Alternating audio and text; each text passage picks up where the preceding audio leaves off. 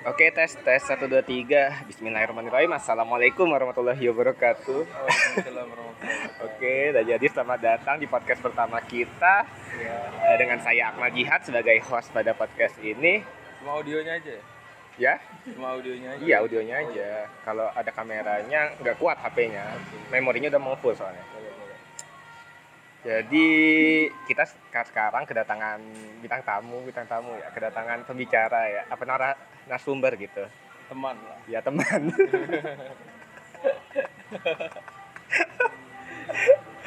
Kayak bahasa Bangka lebih mantap nggak? Apa bahasa Indonesia? Tergantung kan ke mana pasar ya Nak ke Bangka atau luar Ya untuk kita kita baik sih sebenarnya. Tapi lebih ke Indo sih Di Indo ya. Indo aja Nah, jadi kita ada ya teman, teman teman kita Iya siapa namanya? Dani Dani. Dani oke. aja kalau di Discord Iya Dani aja berarti ya. Nah Dani aja ini kalau kita lihat dari profilnya ini dia itu seorang musisi ya. Enggak Mahasiswa Mahasiswa bro Tapi di Instagramnya banyaknya main-main musik tuh. Iya itu cuman pisang udah Oh iseng ya. Itu kayaknya suaranya nggak masuk deh. Coba lebih besar lagi. Iya cuman sekedar mengisi kekosongan waktu doang Oh jadi mahasiswa gabut ya. Kupu-kupu ya. Kupu-kupu termasuk Kupa-kupa boleh Kupu-kupu apaan? Kuliah pak kepala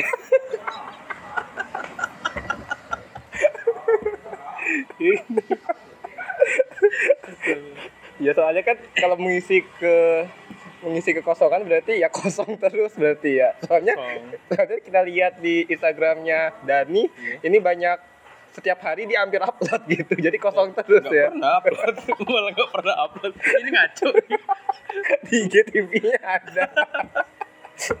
Biasanya nge-live apaan tuh? Waktu kumpul doang Kalau sendiri gak pernah Oh iya ya. Iya Eh, Gitu Terus ini aku lihat-lihat berarti seorang mahasiswa ya? mahasiswa di mana nih? Universitas Batam Oh, Universitas Batam. Jurusannya musik. Kedokteran Kok ketawa? jadi nanti cita-citanya jadi dokter yang bisa main musik ya?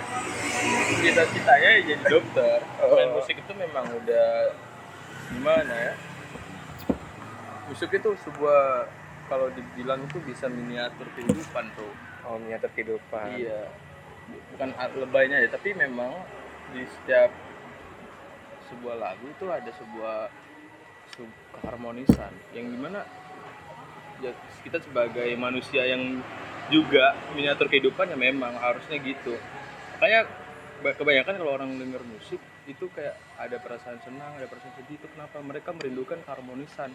Karena jarang di di kehidupan nyatanya tuh ya, ya jarang harmonis.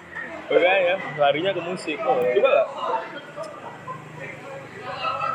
kalau ada musik lah pasti semuanya terdiam. Contohnya aja kalau main ke Jogja di tengah-tengah ada orang yang main musik pasti semuanya ngerekam nonton tuh. Kenapa? Kayak itu sebuah konsep lah konsep kehidupan itu di musik tanpa orang sadari itu ada kehidupan gitu Jadi musik itu memberikan keharmonisan ya. Iya, sebuah miniatur, miniatur harmonis Jadi yang nan- harus diterapkan di kehidupan. jadi nanti kalau Dani udah jadi dokter, kalau bisa nggak nyembuhin pakai musik? Ini sekarang saya lagi mempelajari, Oh iya, cara menyembuhkan Namanya- pakai musik. namanya tuh ilmunya tuh eh, ada yang berhubungan dengan neuro neurologi gitulah, berhubungan dengan musik tuh. Itu ternyata frekuensi tertentu tuh mempengaruhi mood. Aku lagi baca nih gitu ya. Itu yang buat memang dokter memang yang buat. Dokter serius. Dia membuat nulis buku itu. Jadi tambahin di depannya tuh ada religinya. Religi neuro apa lagi tuh lupa. Judulnya. Jadi sangat berhubungan tuh. Oh, kesehatan dengan musik. mental fisik iya. Di dalam tubuh kita nih ada denyut jantung. Denyut jantung ada dup dup dup dup.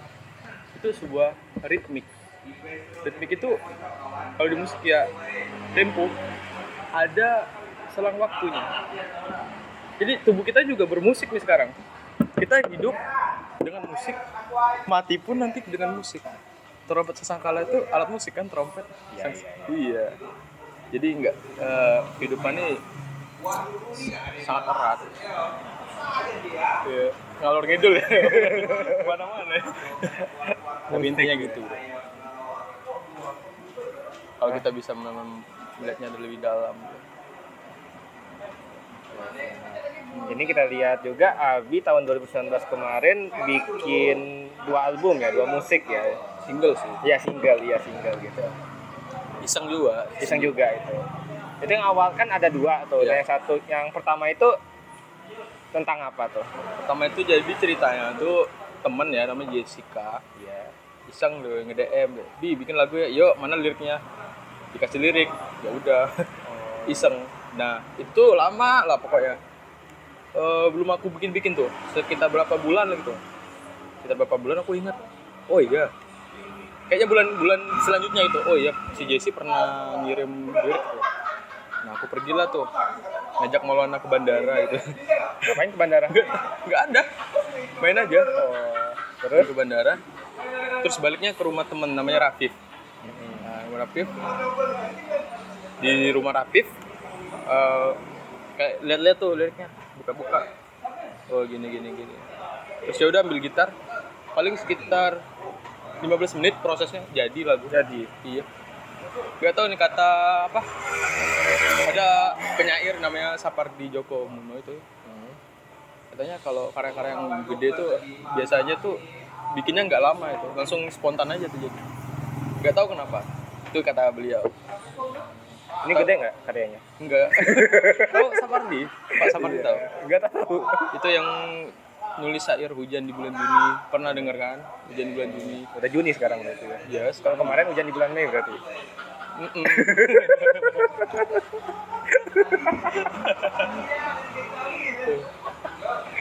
Ya, terus terus. Lanjut. terus apa lagi Oh.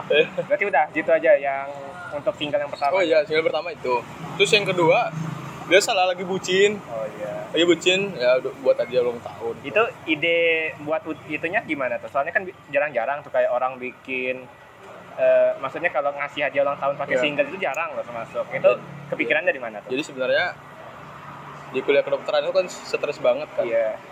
nah satu-satunya pelayaran aku ya di musik ini kayak hasratku tuh bener-bener sebelum kuliah ini memang pengen bikin album bikin lagu karena ya bisa dibilang dalam tanda kutip ya terhambatnya itu karena fokus ke dokterannya jadi gitu mumpung ada kesempatan ada inspirasi lah eh, apa katakanlah inspirasi ya ya udah dia ulang tahun bikin lagu dengan niat ya hadiah ulang tahun jadi gitu. Tapi itu sempat ketahuan ya, padahal cuma Iya. iya, mau surprise lagi sebenarnya. lagi lagi apa bikin video klip kan Iya. mau surprise jadi LDR ceritanya nih.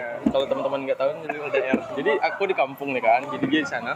Jadi aku bilang sama dia "Ah, kalau aku tuh lagi demam gitu jadi nggak nggak mau pegang HP itu.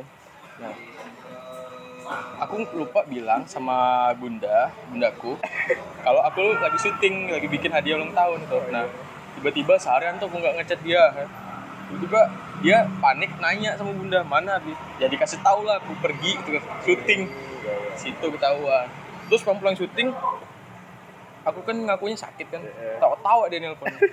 Kayak dari mana? Sambil suka tawa-tawa ya udah ketahuan lah feeling aku. Udahlah yang penting dia nggak tahu Iya, dia nggak hasilnya. Itu sih. Terus eh, menurut kamu kan itu kan waktu biasa kamu puas nggak dengan hasil jadinya itu? Hasil single kamu yang mulai dari sinematografinya atau menurut kamu masih ada yang bisa dipoles gitu sebenarnya? Masih bisa ditingkatkan gitu? Eh, gini sih kalau kalau bikin karya ya kalau aku kalau aku selalu nggak puas gitu. Harus harus gitu sih. Iya, tapi memang perasaannya nggak puas. Iya memang sih. Walaupun orang banyak ih keren bi keren bi kayak, ya ada lah nggak puas karena mungkin keterbatasan waktu. Jadi kayak ada yang harusnya gini jadi kurang maksimal. Mungkin kurang skincare waktu itu. Oh parah banget sih. Gak tau kenapa gitu mukanya. Alergi gua sama kucing. Tapi benar kucing ya? Ada kucing. 16 biji ya? 16 dari tiga. Tiga dari Iya, 16 kucingnya, dari tiga. Ya satu satu betina satu dua jantan. Sekarang udah 16 anak beranak tuh kawin. Tuh. Kok kita ngomongin kucing jadi ya? gak apa-apa ya kalau di kalau di musik tuh ada ada genre jazz ya. Kalau di jazz itu biarnya kayak penganak lagu inti dari lagunya tuh di awal kayak di awal terus di tengah-tengah tuh improvisasi semua ngalur ngidul. Kayak kita nih awalnya ngomongin musik terus tengah-tengah kita ngalur ngidul improvisasi. Terus nanti nanti ujungnya pasti ke musik lagi tuh. Biasa itu ya kehidupan jazz lah terus ya kalau dari Dani sendiri itu kalau ngomong-ngomong genre, genre apa yang paling dikuas- disukai, dikuasai gitu? gue paling suka jazz Yes. ya. tapi susah mainnya Sang- tapi eh, apa kurang bisa main jazz karena susah susah aja main jazz gila Tapi kalau denger denger ya kalau di rumah gitu paling seneng tuh dengerin jazz Tapi mulai main musik kapan? langsung. Atau mundur? ya mulai mulai main musik ini dari kapan kira-kira? oke. Em, dari SD kelas 5 awalnya bener-bener belajar. Tapi kayaknya aku udah ngerasain sih kayak ada sense gitu kayak sense sama nada. Dibanding teman-teman yang lain kayak aku lebih cepat nangkap nada. Nggak tahu kenapa. Mungkin dari lahir kan sombong gitu tapi ya tetap les nih kita tunggu kentang ya Oh, kita lagi di mana ini? kopi makasih yuk Di Kopinom ya. gas Di Kopinom kita ngopi ya sambil ngopi. ya, kentang panas panas lanjut aja Tapi dulu kopi kita udah habis ini. nggak apa-apa Kayak minum jamu tadi ya. Iya. Kayak minum jamu, slow slow. Eh, itu pertama kali main musik apa emang ya? Jadi awalnya tuh ada abang sepupu ngajak gitu, ayo lah les piano gitu, ayo lah. Cuman aku dulu waktu pertama kali les mikirnya kayak langsung bisa nggak main kayak gini pas les tuh. Ya nanti lah sabar-sabar gitu. langsung mau main jago gue. Udah kayak ternyata pas kursus pertama hari pertama tuh cuma belajar apa satu jam tuh aku cuma diajarin cara mencet doang. Bukan bukan do re mi fa sol la si do cuman cara mencet piano yang bener itu. Ternyata dari situ kayak wah makin penasaran. Ternyata nggak semudah itu main piano. Jadi makin penasaran makin penasaran ya les lah. Sampai awalnya itu sama guru pertamaku tuh setahun doang. Soalnya dia pindah. Tuh tuh nangis aku pas dia pindah. Kayak wow gitu. Guru pertama guru Ada piano pertama. gitu ya. ada ikatan lah jadi aku les lanjut. Nah yang abang sepupu ini berhenti karena sibuk. Udah SMA dia. Aku masih SD kelas 5 lanjut lanjut lanjut. Les sekitar kalau dihitung-hitung 5, 6, 7, 8, 9 5 tahun lah. Berhentinya kelas 9 SMP karena ya nggak mau lagi. Udah lima tahun udah lulus kuliah tuh. Iya. ceritanya. Kalau kuliah kan Kalau eh, gitar main dari, belajarnya dari mana? kalau gitar sih karena udah ada basic piano ya nyoba-nyoba aja gitu di dari YouTube bisa bisa kok kalau udah ada basic yang susah tuh kalau orang nggak ada basic musik belajar alat musik gitu. misalnya misalnya Akmal nih Akmal udah bisa main gitar kalau mau belajar piano gampang karena udah tahu basicnya gitu. semuanya gitu Kalau akordeon gimana tuh? Nah akordeon tuh kecelakaan juga tuh. Silakan juga. gara-gara ada lomba eh, kalau di SMP tuh evaluasi 2N ya evaluasi 2N musik tradisional. Nah di sekolah tuh nggak ada alatnya akordeon karena udah pada tahu tuh pelatihnya basic aku di piano. Udah disuruh main akordeon nggak ada alatnya beli sendiri aja gitu dunia beli sendiri ya main di rumah tuh kayak ya udah bisa gitu. Lihat-lihat YouTube lah. Banyak kan sih lihat YouTube. Karena nggak kalau referensi referensi yang baik tuh ya denger denger gitu lah banyak banyak denger lah maaf lah kalau nggak jelas ngomong ya santai. Podcast pertama. Iya. nah terus jadi selain tiga itu apa lagi alat musik yang Dani kuasai? basically piano kan. Tapi yang lain tuh cuman sekedar bisa nggak nggak menguasai. Aku Ya Nika bisa gitu. bisa. Dan nikah. Tinggal sebuh. Makan kentangnya mak Ya. Terus itu kan nah tadi itu lomba-lomba itu. Nah di IG Dani juga tuh kan banyak tuh kayak ikut-ikut lomba gitu kan terus ikut-ikut sanggar gitu. Nah itu bisa ceritain sedikit nggak tuh? Oh iya. Awal ikut lomba tuh pertama kali lomba itu kelas 8 SMP itu cipta lagu. Kelas 7 cipta lagu. Aku tuh nggak tahu bikin lagu waktu itu. Nggak ngerti nggak bisa apa pun. Cuman cuman tok main piano cuman tahu main doang. Nggak tahu apa yang dimainin ngerti nggak? Cuman sekedar tahu main tapi yang dimainin tuh maksudnya nggak tahu apa ya kayak cuman baca puisi tapi nggak tahu makanannya gitu lah. Nah. Ya udah disuruh nih bikin cipta lagu. Bikinlah lagu ingat dulu ju- judulnya Indonesiaku apa indahnya Indonesiaku dulu dibikin lagu terus pas waktu lomba aku pakai keyboard. Nah cuman di tempat lombanya tuh nggak ada listrik. Jadi? Nggak guna. Nggak guna. Jadi pakai pianika? Enggak nyanyi? Nyanyi. Yang nggak bisa aku kan waktu itu nggak bisa nyanyi. Ah. ya gitu. Suara jelek. Juara dua dari tiga peserta padahal waktu itu aku duluan yang datang kan udah berharap sendiri aku kan aku sendiri yang di sana. Ternyata ada dua lagi datang. Ya udah. Juara dua dari tiga peserta Hmm. itu. Pengalaman pertama. Tapi lumayan. Nah, berarti yang juara tiganya lebih parah berarti ya? Atau gimana tuh? Itu kayaknya disuruh gurunya deh. Sengaja. Udah ikut ikut lah. Daftar daftar aja sekolah Oh, iya. Oke, habis itu? Terus itu pengalaman lainnya? pengalaman lainnya ikut lomba musik tradisional tuh. Ah. kelas 8 aku mainin akordeon. Itu belajar alat musik baru akordeon. Tuh mengenal pengalaman baru karena mainnya tim ensemble. Dapat pengalaman baru cara aransemen gitu. Dari situ setelah itu ikut lomba juara tiga kan agak kesel agak kecewa karena baru pertama kali kalah gitu kan wajar lah masih labil perasaan kan. Proses lah proses mengenal diri sendiri lah. Kalau kecewa kalah gitu. Ya udah habis itu kayak tertarik banget tuh pengen mendalami. Ada yang kayak oh kayaknya aku butuh sesuatu baru hal baru deh. Soalnya main sendiri kan ya gitu-gitu kalau main sendiri nggak ada tantangannya. Aku ke sanggar masuk sanggar. Nah itu banyak banget tuh kayak teka- kayak hal baru yang nggak aku duga. Yang tak terduga lah. Kayak oh gini ya ternyata proses buat musik tuh. Kayak di sampai dimaki-maki gitu loh. Kayak banyak lah pokoknya. Keras gitu. Tapi semakin lama semakin lama kayak oh iya juga ya. Terbentuk tuh mental.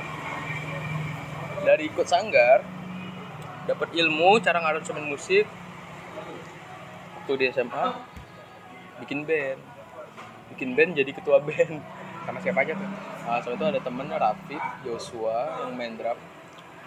Terus gitarnya Rafif kan. Terus ada lah banyak pokoknya nggak nggak tentu Itu dari teman dari SMA atau dari mana tuh Di SMA. oh teman. SMA oh iya Band SMA. Terus ya udah karena guru-guru tahu aku bisa bikin musik. ya Udah dipanggil terus kalau ada lomba, Bibi, ada lomba band. Ya udah, ujung-ujungnya jadi pelatih band ini juga. Ya, sampai sampai ada kelas band disuruh ngelatih. Tapi kebanyakannya orang cuma tahu main, nggak bisa aransemen kan. Nah, Alhamdulillah udah dapat duluan ilmunya kalau aransemen lagu.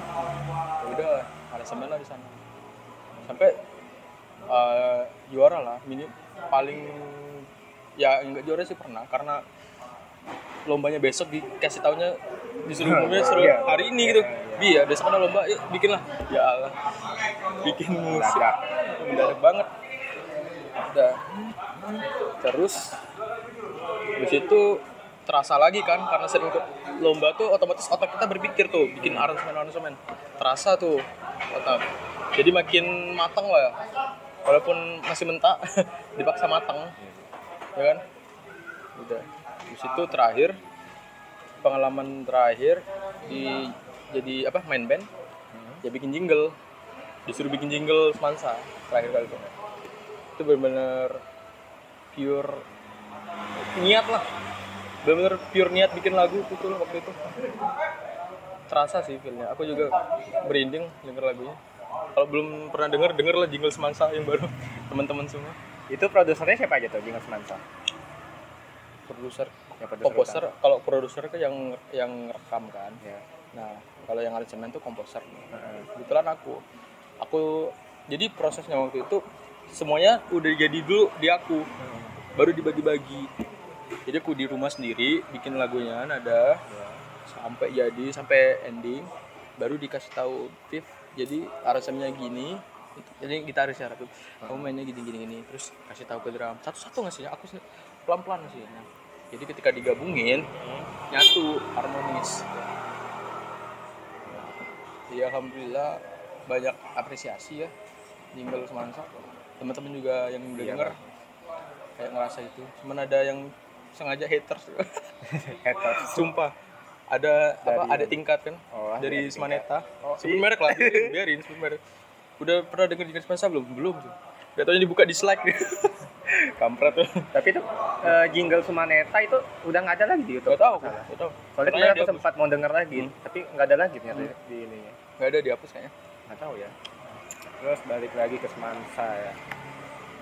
tapi aku jujur aja sih kayak agak kecewa juga waktu kelulusan karena nggak ada apresiasi sama sekali kan dari guru sa- m- sedikit lah walaupun walaupun kayak bukan itu yang dicari tapi seenggaknya itu kan membutuhkan waktu tenaga kan Oh iya. iya. seenggaknya diapresiasi karena aku itu jarang masuk kelas sumpah dulu mah jarang masuk kelas gara-gara band Iya sih kalau soalnya kalau memang kalau di guru-guru sih jatuhnya itu ada nggak sih kita waktu kelulusan ada nggak yang pre- eh, prestasi bidang seni?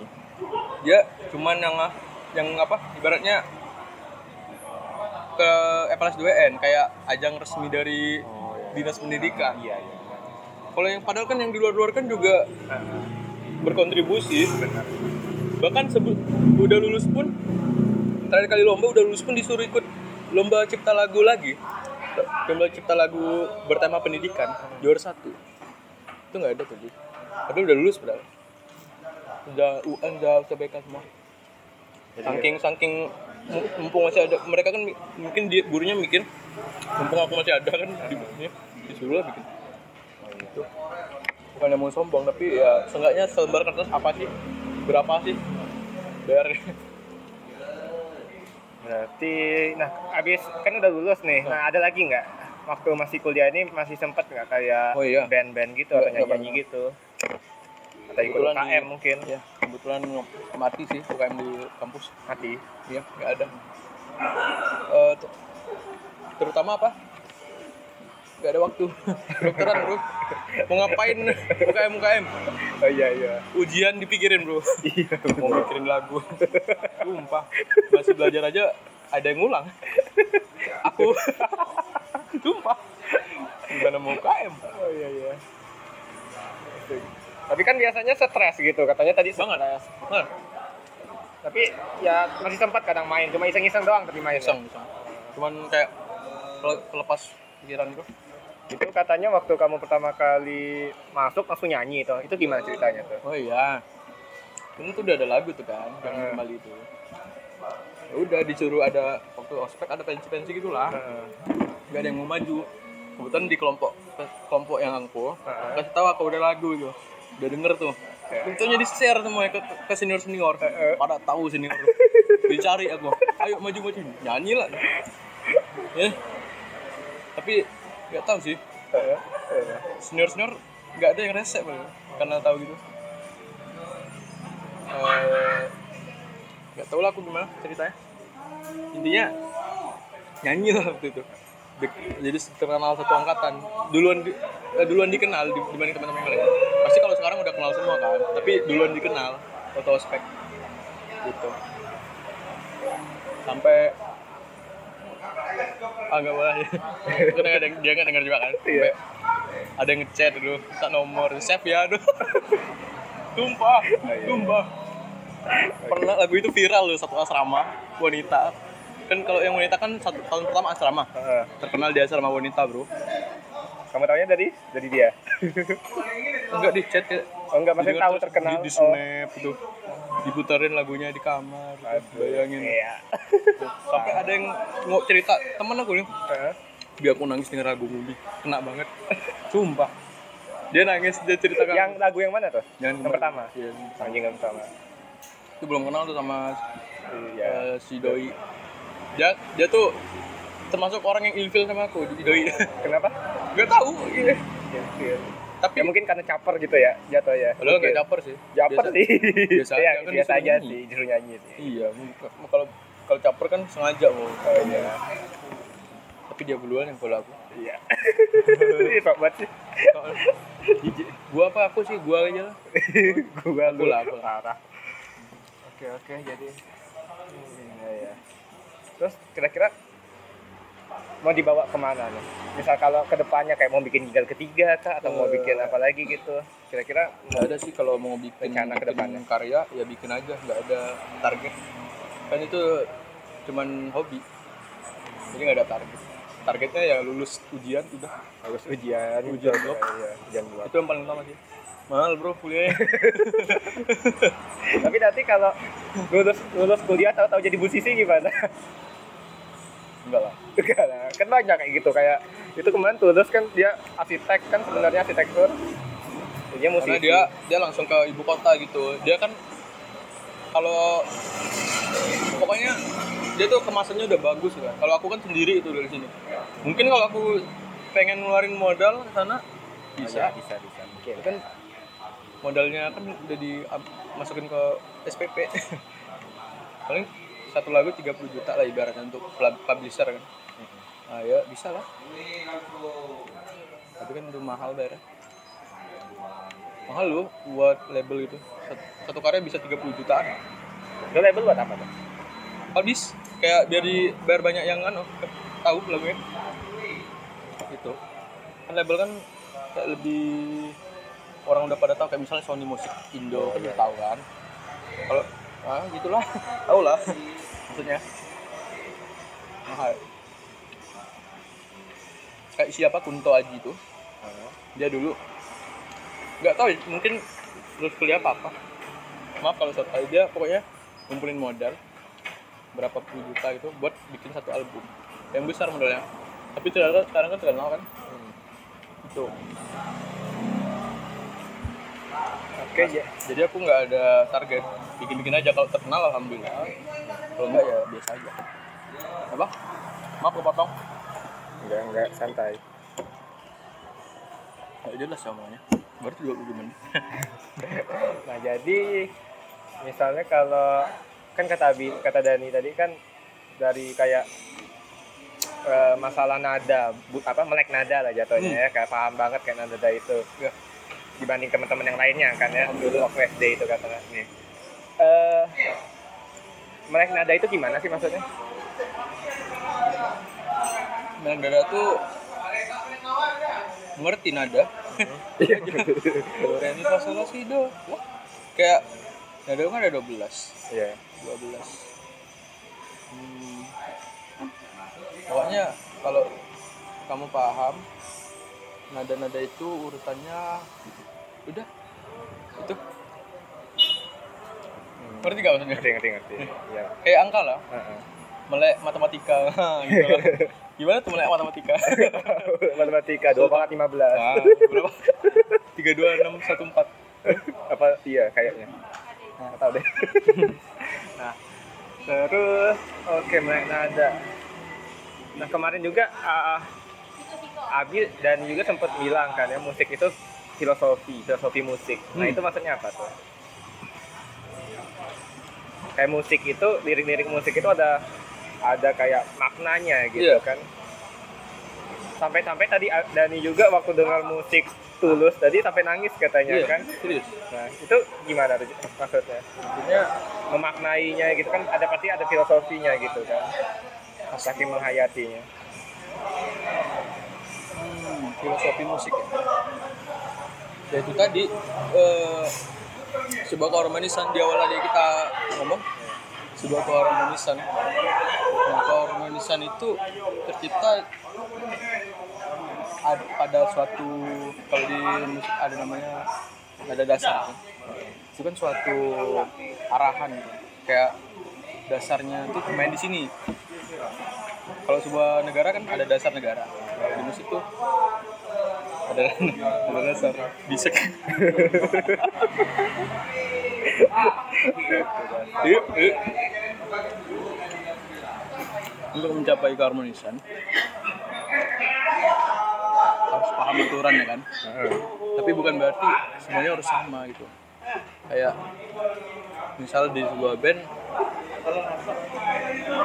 bass sama drum kan beda bass mainnya nada drum ritmik beda kan?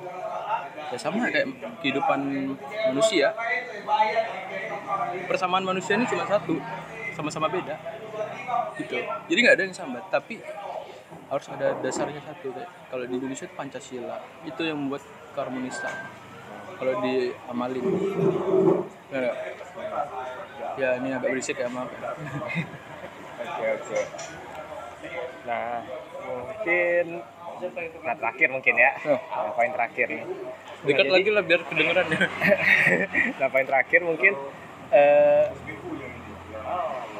ada nggak sih maksudnya kayak tips gitu untuk memang orang-orang yang mau belajar mulai musik gitu kan soalnya kan kalau oh ya banyak tuh banyak orang yang memang bikin eh, kayak tadi tuh cuma tahu main alat musik Hmm. tapi nggak tahu ya nggak tahu maknanya nggak Oh, iya. tahu cara aransemen atau Iya. apa gitu dan ada juga yang kayak bikin-bikin ya bikin-bikin musik gitu terutama kayak musik-musik elektronik tapi nggak tahu ini Iya. kan nggak tahu main alat musik jadi Paham. dia itu ah, mas eh, kayak buta nada gitu Iya. kan jatuhnya nah itu gimana tuh Iya.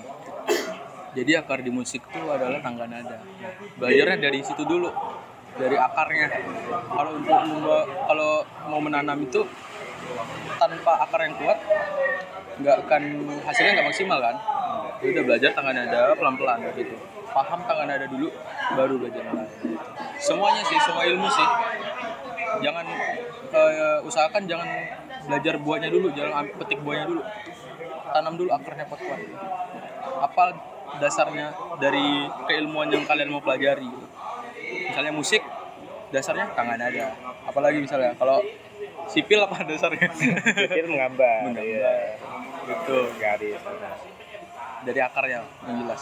Nanti dari akar kan tumbuh batang tumbuh cabang-cabang. Di situ kalau udah kuat akarnya bisa ke mana-mana tuh. Kalau udah tahu tangan ada mau main apa pun bisa. Mau main jazz mau main pop bisa. EDM gampang. Karena akarnya udah kuat. Gitu. baru bisa dapetin buah. Daun-daun lah dulu. Nah, baru buah.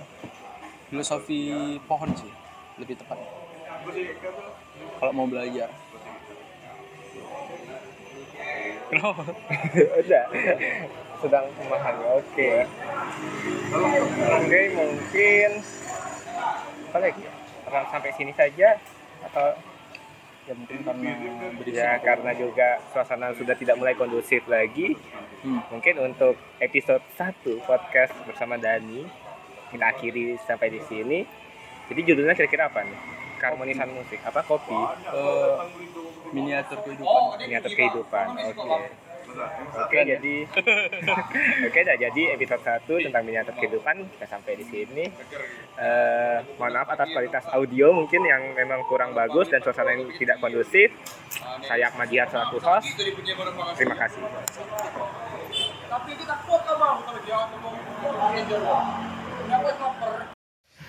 Oke, nah jadi kembali lagi nih kita sekarang udah di tempat yang lumayan kondusif deh. Hmm. Jadi mungkin bisa kita lanjut lagi nih dari episode 1 ke part 2-nya. Hmm. Nah, tadi kan kita udah lumayan berkenalan tuh sama background dari Dani sendiri mengenai dunia musik.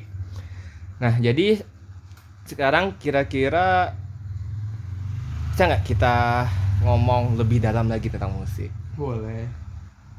Bisa. Oke, mungkin bisa nih jelasin kalau bagi Dani sendiri itu musik itu apa? Hmm. hmm. Jadi ya pernah ya aku suatu hari kayak penasaran gitu sama musik. Ya genre ya, genre jazz. Sampai aku dengar tuh kayak apa ini ya jazz itu? Bingung sumpah. Bingung. Nah, habis itu kayak aku cari tuh tutorialnya di Google ngetik searching. Tutorial cara mendengarkan jazz gitu Gak taunya keluar. Ada cara mendengarkan jazz tuh gimana tuh? Dikasih taunya sama mereka. Cara mendengarkan jazz adalah dengerin aja gitu. Wow. Ya juga sih kayak waktu aku dengerin emang bingung. Tapi kalau kita ngangguk-ngangguk sendiri kayak lama-lama ngerti.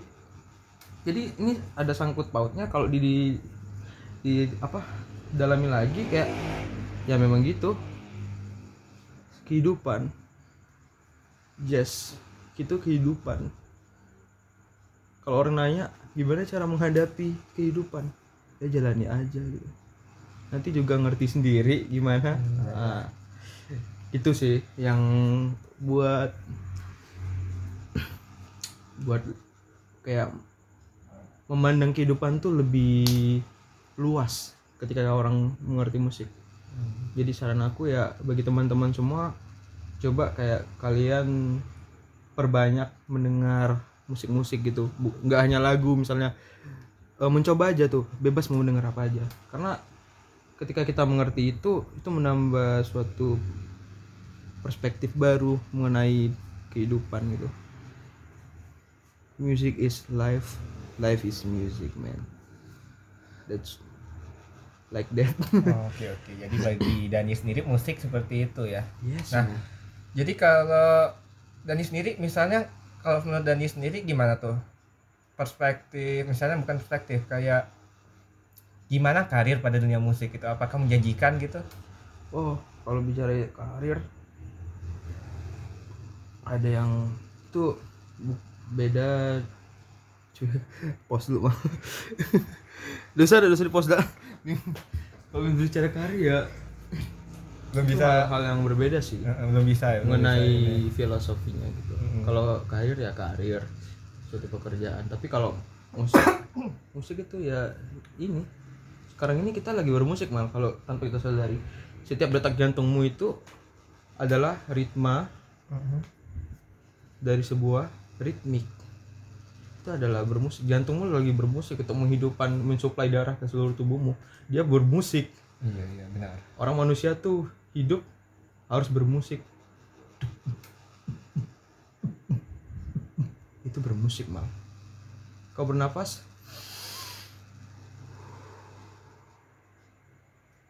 Suara angin. Iya benar orangnya man. dia. yeah everything in everything in life it could be music itu kata kata barusan yang aku ucap Oke, nah jadi sebenarnya kan kayak musik itu memang banyak ya, kayak teman ki- teman kita juga Dani sendiri itu kan hobi musik gitu ya. Iya. Tapi terkadang kan ka- banyak tuh yang bilang pekerjaan yang paling enak itu pekerjaan yang eh, Hobi pekerjaan yang yang kita eh, eh, hobi yang Hobi yang dibayar gitu kan. Nah, Iya. kalau Dani sendiri kenapa gitu nggak mau me- menjalani hobi ini sebagai suatu karir gitu. Dan kenapa lebih memilih jalan yang lain gitu kan? ya kita balik lagi. So, kita hidup tuh punya tujuan yang ya tujuan gua eh gua aku. Yang pertama ya membahagiakan orang tua pastinya semua orang pengen. Nah kalau membahagiakan orang tuanya dengan cara yang apa dengan yang aku jalani sekarang kuliah kedokteran. Ya kenapa enggak gitu? Semuanya kan beringer kan? Kan udah kita bahas musik itu kehidupan. Jadi kehidupan yang aku jalani sekarang ini aku lagi bermusik. Bermusik di kehidupanku yang sekarang yaitu mahasiswa kedokteran. Setiap detik ini jamnya tek tek. Itu sebuah musik bro detik demi detik itu sebuah musik lebih dalam lagi sih kalau mau mau mikirnya deh tergantung orang lah Oke. itu menurut aku kan opini benar. pribadi itu Terus eh, kalau misalnya ada nggak musisi yang dijadiin role model dan siapa Role dan model. kenapa gitu? banyak banyak banyak Contohnya? Eh, contohnya misalnya karya-karya Tokpati Dewa Bujana itu kalian bisa tanpa harus aku jelasin kenapa kalau kalian dengar pasti tahu lah kenapa gitu. Eh, terus Joy Alexander itu luar biasa tuh. Musisi jazz pianis jazz. Udah sampai Grammy Award tuh mal. Padahal umurnya awal umurnya tuh 10 tahun lah 13 tahun udah Hmm. masuk Grammy Award. Grammy Award tuh penghargaan musik sedunia tergengsi lah. Sama Amerika se dunia itu BTS BTS tuh ma- masuk Grammy. Kalau udah pokok kalau orang musisi udah masuk Grammy udahlah udah the best lah. itu banyak sih. Rata-rata aku melihatnya dari karya sih mal bukan dari personal. Karena kan seorang musisi itu berbicara melewati karya yang dimainkan jadi bahasa bahasanya tuh bahasa bunyi ya ibaratnya berbahasa melalui bunyi hmm, hmm. Jadi Grammy Awards itu kayak ini enggak sih misalkan Kayak Oscar. Iya, Oscar kan buat Iya. film gitu kan biasa. benar. Oke, gitu juga. Iya. Kalau Oscar kan sama seluruh dunia kan film Heeh. masuk Iya. sama kayak Grammy, Grammy gitu. Oh iya. iya. Kalau di Indonesia namanya AMI, uh, Anugerah Musik Indonesia. Kalau dunia Grammy, gitulah. Hmm, terus apa lagi ya? Oh iya. Nah, terus kalau untuk musik daerah sendiri itu, Hmm? nah itu apa gitu? Maksudnya kayak perbedaannya nih kurang lebih kayak musik daerah itu juga kan punya makna gitu kan? Iya. Musik daerah tuh luas. Seluruh daerah Indonesia tuh punya musik daerahnya masing-masing. Ya menurut aku itu suatu keberagaman dan wajar. Karena kehidupan kita memang beragam, gak bisa sama. Seperti yang udah di podcast pertama tadi, satu-satunya kesamaan kita itu ya sama-sama berbeda kan. Hmm. Ya udah, kayak semuanya bisa kok disatuin banyak lah karya-karya yang menyatukan seluruh musik-musik Nusantara contohnya yang paling terkenal sekarang Lati kan itu kan men- menyatukan musik-musik tapi yang eh kalau mau yang lebih dalam lagi nanti cari aja di YouTube banyak kok bisa Oke oke. Nah terus ini mau nanya lagi nih ya. Boleh. Soalnya kan hmm, saya sendiri juga masih awam nih dalam dunia musik gitu. iya Nah kalau untuk kayak rapper-rapper gitu, rapper-rapper itu kan kayak ya banyak deh rapper kayak mungkin yang dari, dari Bangka jadi kayak Big Noeng atau siapa itu. Nah itu gimana tuh?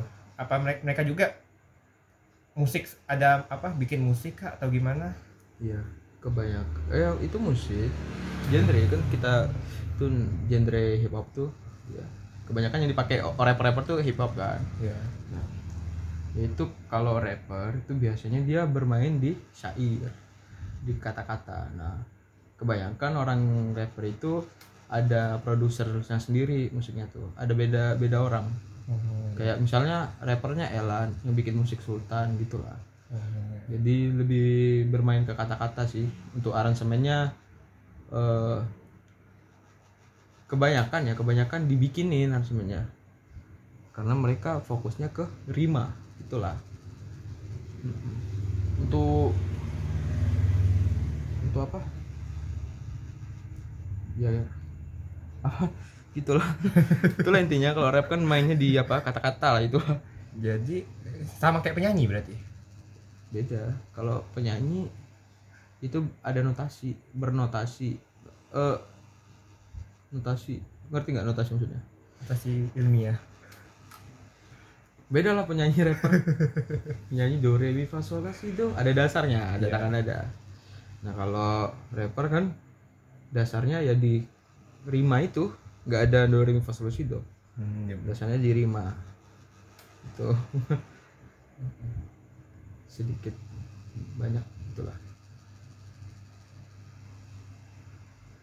Oke, nah jadi kalau kalau biasanya kalau yang nah kan ini kan kalau Dani sendiri kan pemain alat musik gitu ya, alat musik fisik gitu ya, alat musik fisik tuh kayak piano, Oh, iya. kayak gitar, akordion. Nah, sedangkan kalau alat-alat musik yang digital, misalkan banyak tuh kita pakai aplikasi-aplikasi gitu kan ya. Iya.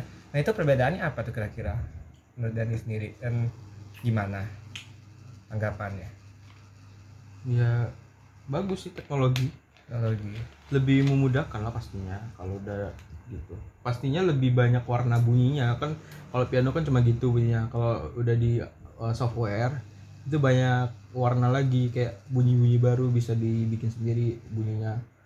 Kebanyakan sih orang gitu karena udah berkembang kan harus soalnya lagu-lagu lagu-lagu kalau ada lagu-lagu yang mirip-mirip ya mainnya di gitu lah di warna bunyinya gitu.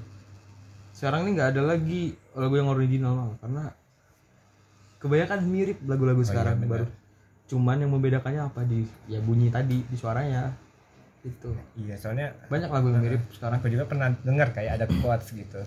Kayak memang setiap karya itu sekarang nggak ada yang original lagi. Iya. pasti kalau nggak ada yang ngopi ada juga yang memang eh ya terinspirasi kurang lebih. Iya. nah itu jadi yang bikin karya itu nggak ada original lagi gitu.